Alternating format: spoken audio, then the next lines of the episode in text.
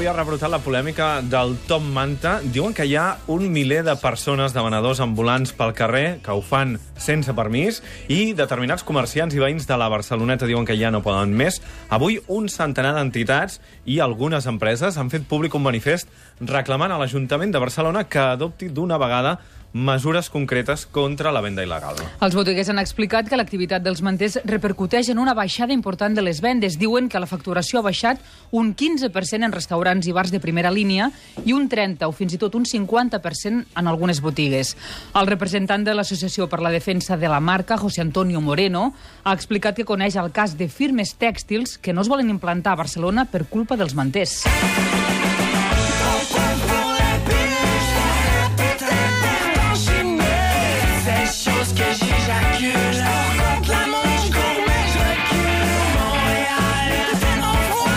Gabriel Jané és president de la Unió d'Eixos Comercials Turístics Barcelona Oberta i un dels portaveus de la Comissió d'Afectats que aglutina aquest centenar d'entitats. Senyor Jané, bona tarda.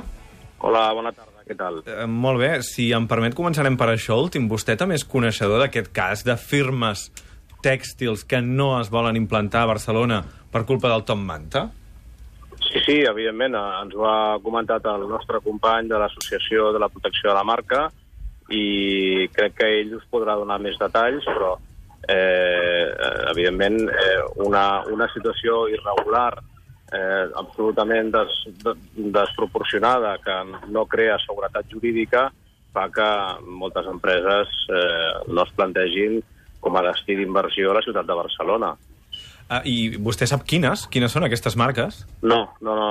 Mm, bueno, sí que ho sé, però crec que li convé en el propi portaveu de l'associació dir-ho en, en benefici dels seus propis afectats. Perquè un quan baixa pel Passeig de Gràcia li sembla que hi són totes les marques internacionals, que totes tenen és presència a molt Barcelona. em temo que si una marca tèxtil no vol estar a Barcelona serà més Miri, pel preu dels eh, lloguers que pel Top Manta, no, perquè el no, Top Manta no, no, genera no. un tipus de negoci que la marca que té capacitat de llogar un, un lloguer, una, un, No, un local a Barcelona estem parlant d'això, eh, estem parlant de- d'una inseguretat jurídica, d'un campi qui pugui, d'una situació en la que sembla que la ciutat està absolutament descontrolada i la, la gent que té intenció de fer inversions a la ciutat busca una certa seguretat jurídica. Però Eh, ells la tenen, si de cas hi ha, hi ha coses legals i coses il·legals que s'han de perseguir, però la seguretat jurídica hi és. la- les, coses, les coses il·legals, si no es persegueixen, creen inseguretat jurídica, i això no vostè no m'ho negarà. Eh? Jo en qualsevol cas... No, no, jo li estic negant que, hi ha, que o estic dubtant que hi hagi eh, empresaris del tèxtil que no posin la, No, no- la seva no empresa a Barcelona pel Top Manta. no li dic que siguin dels tèxtil i, a més a més, que tampoc crec que em correspongui a mi defendre la implantació de marques globals a la ciutat de Barcelona. Jo entenc que la ciutat té un atractiu, que des d'un punt de vista internacional tothom s'hi vol implantar, i això pot ser un fre.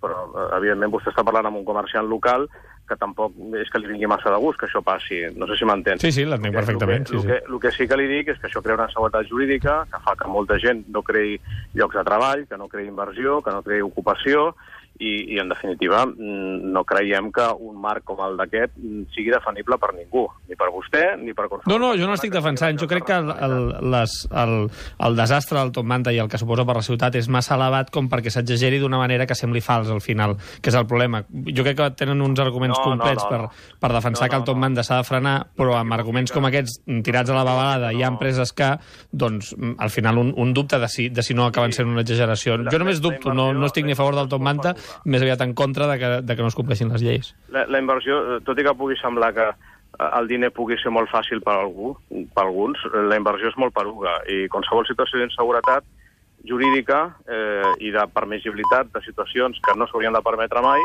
crea pues, que la gent s'espanti i des de la distància facin que entenguin que no és una ciutat segura com per fer determinat tipus d'inversions. Vostè i jo ho veiem d'una manera, els que estan a 4, 5 o 15.000 quilòmetres ho veuen d'una altra. Eh, I, lògicament, les imatges i la situació que estem vivint és un espectacle que no ajuda en absolut a crear una seguretat jurídica eh, com perquè puguem desenvolupar un marc econòmic adequat a una ciutat tan fantàstica com és aquesta. El primer tinent d'alcalde, Gerardo Pisarello, ha anunciat per demà una convocatòria de premsa en què presentarà el pla d'acció per evitar la venda ambulant no autoritzada a la ciutat. Ens ho ha comunicat fa una estona amb una nota de premsa en què diu que el pla amb el qual està treballant l'Ajuntament preveu la corresponsabilitat de les administracions i mantenir l'actuació policial, incrementant-la en els punts de més concentració, com ja s'està fent actualment en alguns espais com la zona portuària o el metro. Vostès, que en la majoria dels casos són de la Barceloneta, han detectat que la presència policial hagi augmentat ja en els últims mesos en espais com la zona portuària? No, miri, dos coses. Eh, primer, mm, eh, la iniciativa és una iniciativa promoguda per els comerciants i veïns de la Barceloneta, a la que s'ha sumat tot el comerç de la ciutat. Són més de 100 i pico d'entitats, mm. encapçalades per la Fundació Barcelona Comerç, per Barcelona Oberta, pel Consell de Gremis, per entitats aglutinadores, però eh, o sigui, estem parlant del comerç de la ciutat i eh, fent sobretot suport al comerç de, de la Barceloneta.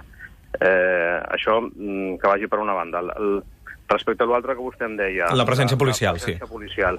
Eh, miri, el, el comunicat que m'ha dit vostè del senyor Pisarello sembla un copiar i pegar dels que hem viscut amb els últims, amb els últims 12 mesos amb diferents eh, eh, organitzacions, en diferents formats, com va ser la pròpia eh, taula de Top Manta que es va configurar, que la va presidir el Jordi Corones, que va tenir molt interès en tirar-la endavant i em consta el seu esforç i com a membre del, del, del grup d'Esquerra Republicana per intentar solucionar aquest problema, però finalment eh, ens hem trobat que fa dues setmanes el propi senyor Pisarello va decidir clausurar aquesta taula i volvem la casilla de salida.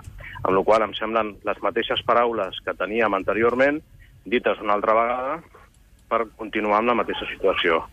Eh, nosaltres aquesta tarda ens veiem amb el senyor Pisarello, entenem que ell ens donarà les explicacions oportunes i entenem que si poden correspondre allò que entenem racional des del punt de vista d'erradicar de, de, a zero aquesta problemàtica, doncs nosaltres eh, serem conseqüents i col·laboradors amb l'actuació de govern. Si no és així, doncs, evidentment haurem d'entendre a mobilitzacions i a mesures molt més contundents. Sí, senyor Jané, el, el, vostès tenen alguna proposta concreta sobre com acabar amb el Top Manta? Per erradicar, vostè ha dit erradicar? No, no, no. Miri, nosaltres som comerciants, som veïns, som gent de la ciutat i nosaltres tenim el nostre paper social, que és pagar impostos, atendre la creació d'ocupació, atendre els nostres clients, i nosaltres sabem fer d'això. Mm.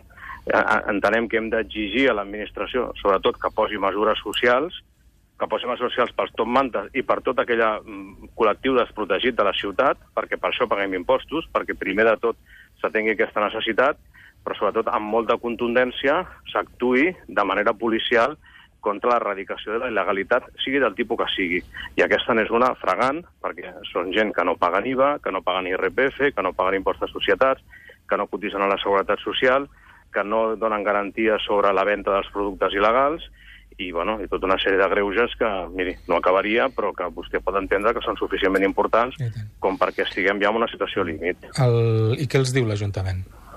Fins ara què bueno, els diu? Aquesta tarda li explicaré. Mm. Eh, Fins ara què els miri, han dit? Moltes coses. Miri, nosaltres portem molt de temps veient-nos amb tothom, amb l'Ajuntament, amb Generalitat, amb la Fiscalia, amb el govern central, amb la delegació del govern. Eh, miri, tothom mira cap a la ventanilla del de al lado, no? És a dir, eh, quan vas veure una administració diuen no, mira, és que escolta, la venda de productes il·legals no és cosa meva, és cosa del govern central. I l'altre diu, no, mira, escolta, és que la venda de, de producte il·legal mm, no sé com gestionar-li, però és que estan ocupant la via pública, que és cosa de l'Ajuntament, saps? Llavors, al final dius, escolti'm, coordinissin, posis-se'n d'acord, vostès són els gestors eh, públics que tenen que tenir capacitat de coordinació i entre tots mirar la manera de poder erradicar un problema que va en contra de la legalitat i d'aquelles persones que fem les coses ben fetes. I, miri, ja en tenim prou. No, no, dic, senyor Gené, no hem d'oblidar que totes aquestes persones que venen al, al carrer són la bau la més feble. Per tant, quan vostè parlava de, de mesures socials, suposo que anava mm, dirigit en aquest sentit? Perdoni, això no l'he sentit. M'ha dit que eren persones de... Que són la, la baula més feble no? de la societat. Persones que es busquen la vida perquè no tenen o en lloc més on anar, o, o, o on vendre, o on bueno, sigui. Perdoni, són persones que es poden treure 2-3.000 euros al mes perfectament per la venda d'aquests productes. Eh? Nosaltres hem quantificat quin és el... La, el Dos o 3.000 euros? Al mes, perfectament, per la venda d'aquests productes. Estan movent milers i milers de productes al cap de l'any, eh, amb, amb, amb milions i milions d'euros de facturació que estan tenint una confiscació directa sobre la, la, la venda d'aquelles persones que estan venent d'una manera legal, que estem parlant de treballadors autònoms, però davant de tot de treballadors, de persones que presten la seva feina per ells mateixos per intentar subsistir. No estem parlant de conquerir el mercat de les grans multinacionals i de grans empreses que tampoc sé bon, molt bé on estan ni què diuen de tot això perquè no els hi coneixes la veu. Estem representant a, a persones que mm, estan subsistint amb el seu propi negoci, que com a molt poden tenir una persona empleada, que a lo millor per aquest, per aquest deixen de tenir aquella persona ocupada perquè no la poden mantenir. M'entén? I això encara és molt més regressiu del que parlàvem al principi, de que no venen inversions. M'entén? Llavors, crec que mm, hem de ser conscients de que no estem atacant sobre una gran massa de negoci global que ve de fora, sinó al final sobre la microeconomia, la democratització de l'economia, la possibilitat de que tothom se'n pugui beneficiar dintre d'una legalitat. Uh, senyor Jané, uh, hem d'acabar. Mayol. Uh, no, només que dubto que els 3.000 euros que es pugui cobrar un top mental més siguin per la persona que la porta i mm, sí, em temo que la, la persona que està, que està venint el top mental arriscant la seva situació legal en aquest país es canviaria per vostè o per mi o per qualsevol de persona assalariada. Sense, sense cap mena de dubte, però escolti, no ens correspon a nosaltres eh, jutjar aquestes Ho comprenc. coses. Uh, senyor... Per això hi ha les entitats socials i, i, i, la, i les pròpies administracions que tenen que vetllar perquè tot això es produeixi i nosaltres això estem perquè això sigui així. Aquesta tarda es reuneixen amb el primer tinent d'alcalde, que és qui ha assumit directament la gestió d'aquest conflicte, el conflicte amb els Tom Manta, i per la qual cosa, amb el mateix, ell, a dos quarts d'onze del matí, Gerardo Pisarello ha anunciat una roda de premsa per explicar el seu pla d'acció amb els Tom Manta. Avui hem parlat amb el president de la Unió d'Eixos Turístics Barcelona Oberta i un dels portaveus de la Comissió d'Afectats, que aquest matí han presentat un manifest en què demanen mesures urgents a l'Ajuntament de Barcelona. Senyor Gabriel Jané, moltíssimes gràcies. Bona tarda.